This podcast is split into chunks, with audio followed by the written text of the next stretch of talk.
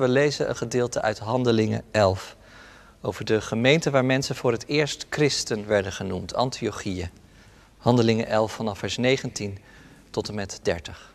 De leerlingen die verdreven waren als gevolg van de onderdrukking die na de dood van Stefanus was begonnen, trokken naar Fenicië, Cyprus en Antiochië, maar verkondigden Gods boodschap uitsluitend aan de Joden.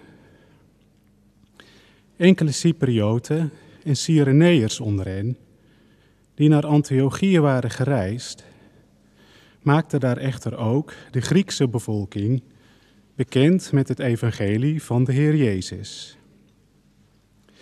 De Heer steunde hen bij deze taak, zodat veel mensen overgingen tot het geloof in de Heer. Het nieuws over hun optreden bereikte de gemeente in Jeruzalem, waar men besloot Barnabas naar Antiochië te zenden. Toen hij daar was aangekomen en zag wat God in zijn goedgunstigheid had bewerkt, verheugde hij zich en spoorde hij iedereen aan om standvastig te zijn en trouw te blijven aan de Heer. Hij was een voortreffelijk en diepgelovig man die vervuld was van de Heilige Geest. Een groot aantal mensen werd voor de Heer gewonnen. Hierna trok Barnabas naar Tarsus om Saulus te bezoeken. En toen hij hem gevonden had, nam hij hem mee naar Antiochië. Een heel jaar lang kwamen ze met de gemeente daar bijeen en gaven ze onderricht aan tal van mensen. Het was in Antiochië dat de leerlingen voor het eerst christenen genaamd werden. In diezelfde tijd kwamen er vanuit Jeruzalem profeten naar Antiochië. Een van hen, die Agabus heette, voorspelde door de geest dat de wereld door een grote hongersnood zou worden getroffen. Iets dat tijdens de regering van Claudius inderdaad gebeurd is. De leerlingen besloten dat de broeders en zusters in Judea ondersteund moesten worden. Ze droegen elk naar vermogen bij en lieten hun gift door Barnabas en Saulus naar de oudsten brengen. Gemeente van Christus, hier in de kerk en thuis met ons verbonden. Het staat er zomaar even tussen neus en lippen door, lijkt het wel. Dat in Antiochië de leerlingen voor het eerst christenen werden genoemd. Op de eerste Pinksterdag was het nog een groepje Galileërs. En dat groeide uit tot de groepering van de Nazireërs, gelovigen die zichzelf de mensen van de weg noemden. Maar nu hier in Antiochië worden ze voor het eerst christenen genoemd. En die naam is het gebleven. En in onze tijd is ze zo gemeen goed geworden dat je zelfs cultuurchristenen hebt.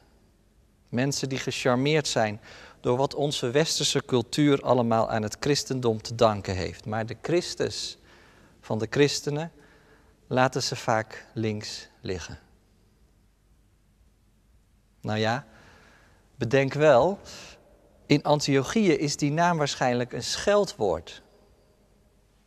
De leerlingen worden zo genoemd, staat er. Dat is niet een of ander label wat ze op zichzelf hebben geplakt. Sowieso is het woord heel schaars in het Nieuwe Testament. Je komt het nog één keer tegen in het boek Handelingen. En de andere keer dat je het tegenkomt, dat is dan de derde keer, is het in een brief van Petrus. Hij schrijft, maar als u lijdt omdat u christen bent, schaam u dan niet voor die naam, die scheldnaam dus. Draag die naam tot eer van God. Nou, dat zet de toon. En het zou zomaar zijn dat, kunnen zijn dat je het er niet mee eens bent. Dat je zegt christen zijn een scheldwoord. Zo beleef ik het helemaal niet. Ik vind het juist een eretitel. Want het betekent dat ik Christus ken. Dat ik zo aan Hem verbonden ben dat ik echt zijn naam wel aan wil nemen. Dat verheugt me, dat geeft richting aan mijn leven, dat helpt me om mijn leven te delen met andere mensen. Nou, daar gaat het precies over vanmorgen. Wat het betekent om werkelijk christen te zijn. En dan springt er eigenlijk één persoon uit. En dat is Barnabas. We gaan hem de komende weken nog vaker tegenkomen, want hij gaat straks met Paulus op reis. Zoon van de vertroosting betekent zijn naam. Want het is Barnabas die volgens dit gedeelte naar Antiochië wordt gestuurd. En dat was niet zomaar een stad, dat was misschien wel de derde stad van het Romeinse Rijk in die tijd. Na Rome in het westen en Alexandrië in het zuiden had je Antiochië, een echte megapolis. Met inwoners uit het hele Rijk. Een stad waar voor iedereen plaats was, waar alles mocht. Een echte smeltkroes. Daarbij vergeleken was Jeruzalem natuurlijk maar een provinciaal gehucht. Met strakke regels en een hoge moraal. En zo waren de leerlingen van Jezus dus uit Jeruzalem naar Antiochië gevlucht. Gevlucht. Omdat ze in Jeruzalem hun geloof niet mochten beleven. Daar was geen ruimte voor. Ze waren er vervolgd en weggepest. Ze moesten op weg en hoe kon het ook anders, dan kom je in Antiochië uit. Want je komt altijd in Antiochië uit als je in die tijd op weg gaat. En daar stond men ook wel open voor allerlei vernieuwende ideeën. Bijvoorbeeld over een blijde boodschap die van de andere kant komt.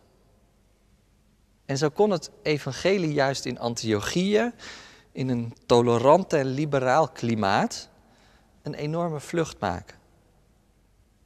Die leerlingen vertellen het aan wie het maar horen wil.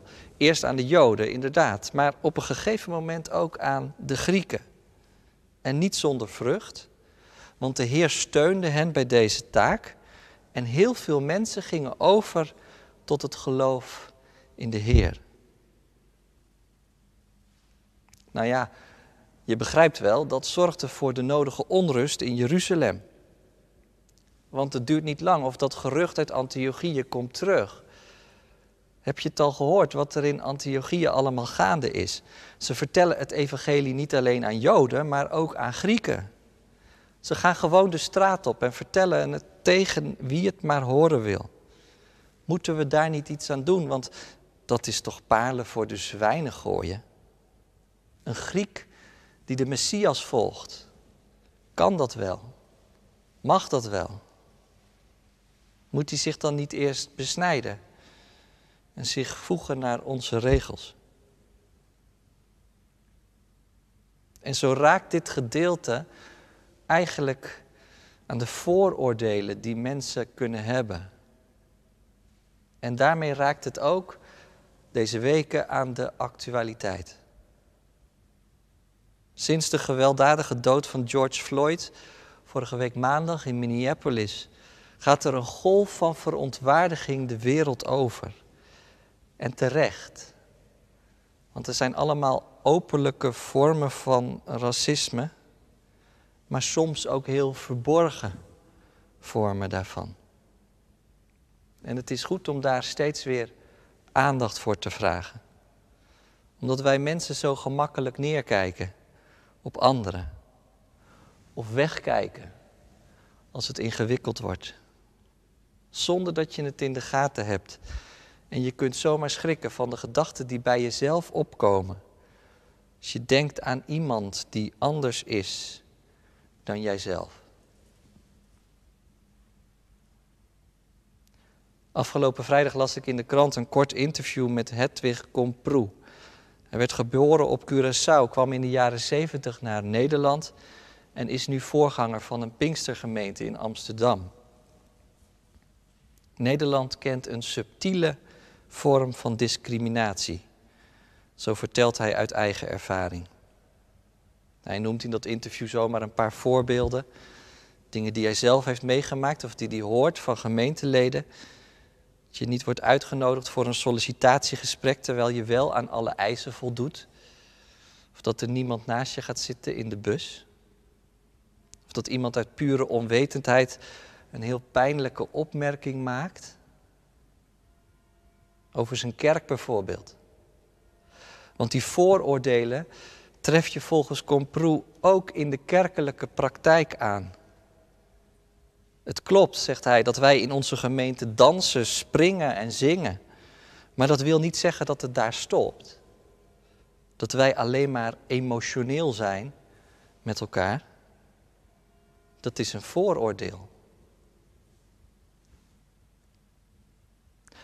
Nou goed, zo komt Barnabas in Antiochië aan om polshoogte te nemen.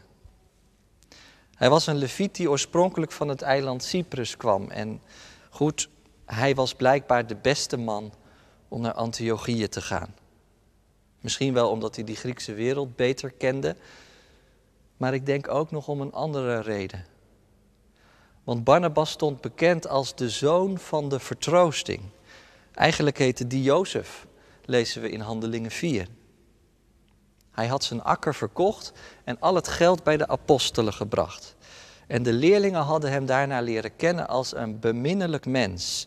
Geen, scherp geen scherpslijper of polemist, maar iemand met een scherpe blik. Dat wel. En als hij in Antiochië aankomt, dan doet hij zijn naam meteen eer aan. Want als Barnabas ziet wat daar allemaal gebeurt, dan doet hij twee dingen. Hij verheugt zich en hij spoort iedereen aan om vol te houden. Er staat, Barnabas is verheugd om wat hij ziet, wat God in zijn goedgunstigheid doet. Maar eigenlijk zou je het zo moeten vertalen, toen Barnabas de genade van God zag. Barnabas ziet de genade van God aan het werk. Ik weet niet of je daar wel eens over hebt nagedacht. Dat je de genade van God blijkbaar kunt zien. De genade die ons redt en de genade die ons hoop geeft. Die genade is niet iets immaterieels, maar die is iets materieels. Je kunt die genade zien. Ze is aan ons verschenen. Het is een actieve kracht in de geschiedenis. Een kracht die nooit dieper en helderder zichtbaar werd dan in Gods Zoon, Jezus Christus. In wat Hij deed, in hoe Hij leed en in hoe Hij opstond uit de dood. En dat ziet Barnabas blijkbaar terug in het leven van de gelovigen in Antiochië. Stel me voor dat hij gewoon met mensen ging praten. En dat mensen hem vertelden hoe ze aangeraakt waren door het evangelie. Dat is één. Hoe ze die genade dus zelf kenden. En hoe ze dat deelden met hem en met elkaar. Maar twee is dat Barnabas ook zag dat die genade van God, die hij zelf had leren kennen, blijkbaar ook werd uitgereikt aan Grieken. Aan mensen die heel anders waren dan hij zelf. En hij is dan niet sceptisch, maar hij is er gewoon blij mee en dankbaar voor. Hij stelt zich vrijmoedig open voor het werk van de geest. God gaat zijn ongekende gang. Ik wilde vanmorgen eigenlijk drie lessen trekken uit het gedeelte wat we lazen. En hier hebben we de eerste les. Voor onszelf en voor onze gemeente. En die les luidt zo: verheug je in de genade van God. Ik hoop eigenlijk dat je dat af en toe kunt. Dat je dankbaar kunt zijn voor de genade die God je geeft. Dat je geleerd hebt om daaruit te leven en om daar ook blij mee te zijn. Maar ook dat je die genade herkent in het leven van andere mensen, in wat er gebeurt om je heen en dat je ook daar jezelf om verheugen kan. Want die Pinkstervoorganger van zojuist heeft natuurlijk wel een punt. Soms zetten we het geloof van anderen wel heel gemakkelijk weg. Dat is wel erg happy clappy, zeggen we dan. Of Dat kan natuurlijk ook, dat is wel erg tobberig. Maar als je vanuit de vreugde over Gods genade met de ander gaat praten, dan ontstaat er misschien wel interesse en nieuwsgierigheid. Wat beweegt jou? Wat is je verhaal? Durf je door te vragen, met elkaar in gesprek te gaan? Vertel me eens, wat betekent Christus nou voor jou? En dat brengt dan eigenlijk bij de tweede les uit dit gedeelte. Want Barnabas heeft het lef om zich te verheugen. Dat mag duidelijk zijn. Maar die vreugde van Barnabas staat niet op zichzelf. Het stopt daar niet. Want Barnabas voelt ook wel aan dat de situatie in Antiochië tegelijkertijd wel uitdagend is. Joden en Grieken in één gemeente, goed, prachtig als het kan, maar hoe lang houden ze het vol? Want ze houden er toch ieder een eigen levensstijl op na. Het lijkt wel alsof Barnabas, sensitief als hij is, aanvoelt dat deze gemeente iets heel belangrijks nodig heeft. Wat dan? Nou, goed onderwijs. Deze situatie moet grondig worden doordacht. En het is boeiend dat hij dan aan één iemand moet denken die iedereen misschien al vergeten was. Namelijk Saulus van Tarsus. Want naar hem gaat hij op zoek. Barnabas gaat naar Tarsus, nog ietsjes noordelijker, en hij wil hem erbij halen. Onlangs verscheen een boek van de Britse theoloog Tom Wright, Paulus, een biografie heet het. Het geeft prachtige achtergrondinformatie bij het boek Handelingen, maar ook bij de brieven van Paulus. En volgens Wright woonde Saulus al zo'n tien jaar in Tarsus toen Barnabas hem kwam opzoeken. Al die tijd is Saulus uit beeld.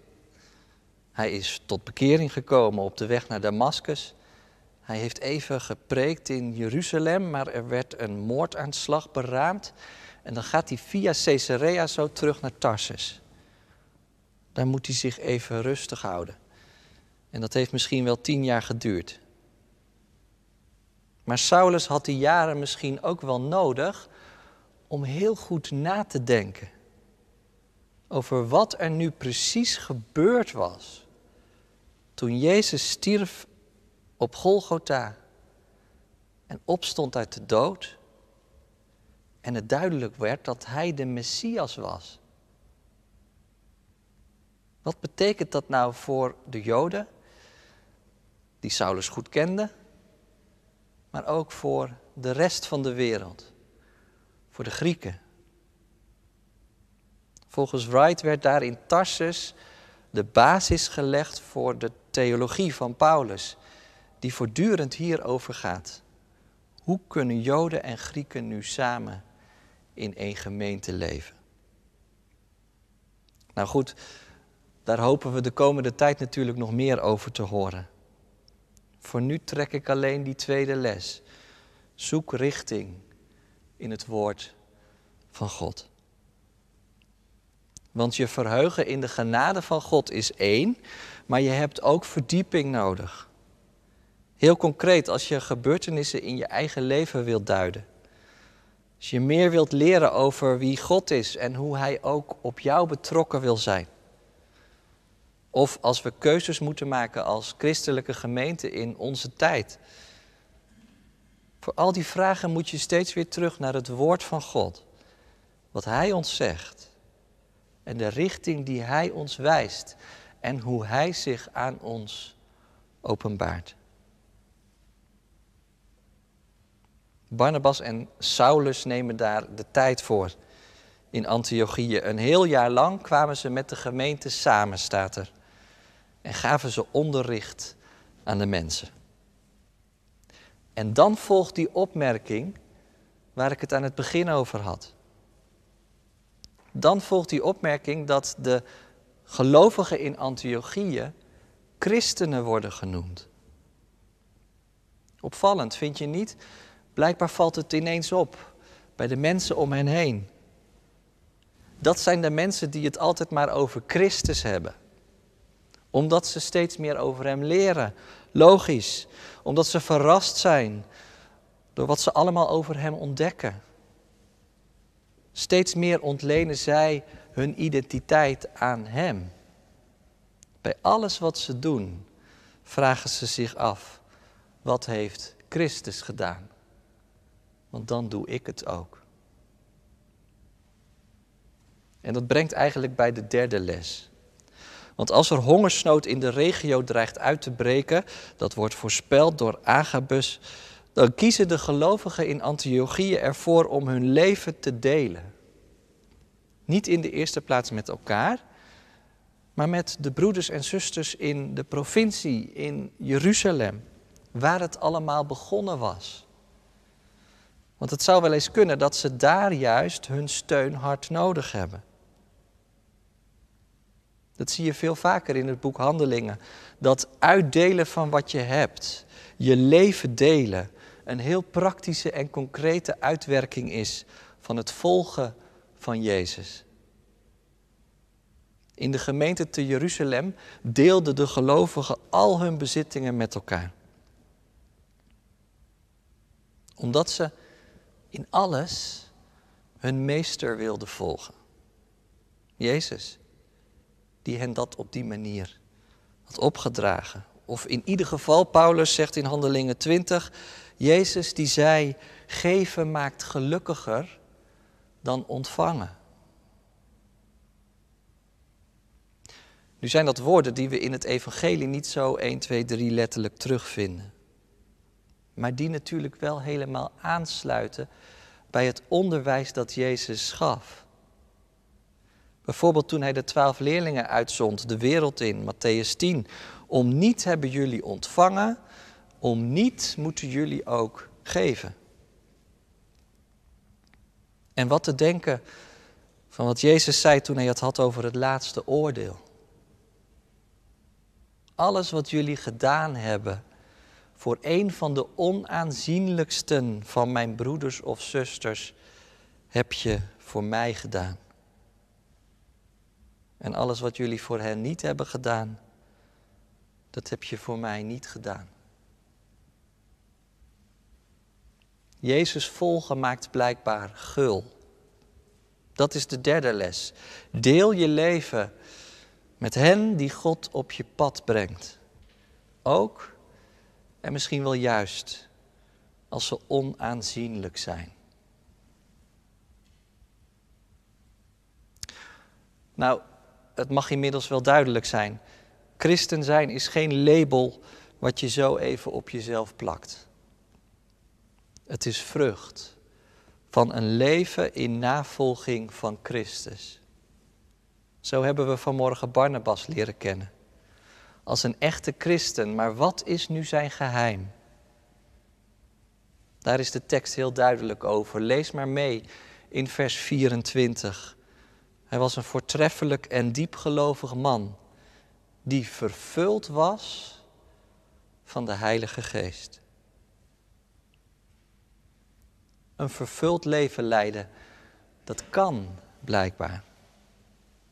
Denk nog even aan die handschoen van zojuist. Pas als je vervuld bent van de Heilige Geest, krijgt het leven werkelijk kleur en smaak. En niet alleen het leven van jezelf, maar ook het leven van mensen om je heen. Dat vraagt wel, denk nog even aan vorige week, om bekering en omkeer. Dat vraagt ook om gebed. Kom, Heilige Geest, wij wachten op U. Amen.